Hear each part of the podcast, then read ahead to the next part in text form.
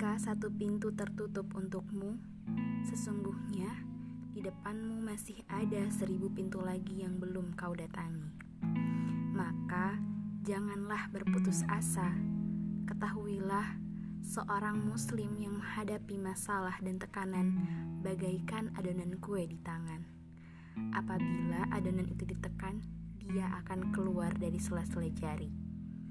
Begitulah seorang mukmin dia tidak hanya dia menghadapi masalah, dia akan tetap dan terus beramal untuk mencari jalan keluar. Dr. Muhammad Al-Habdan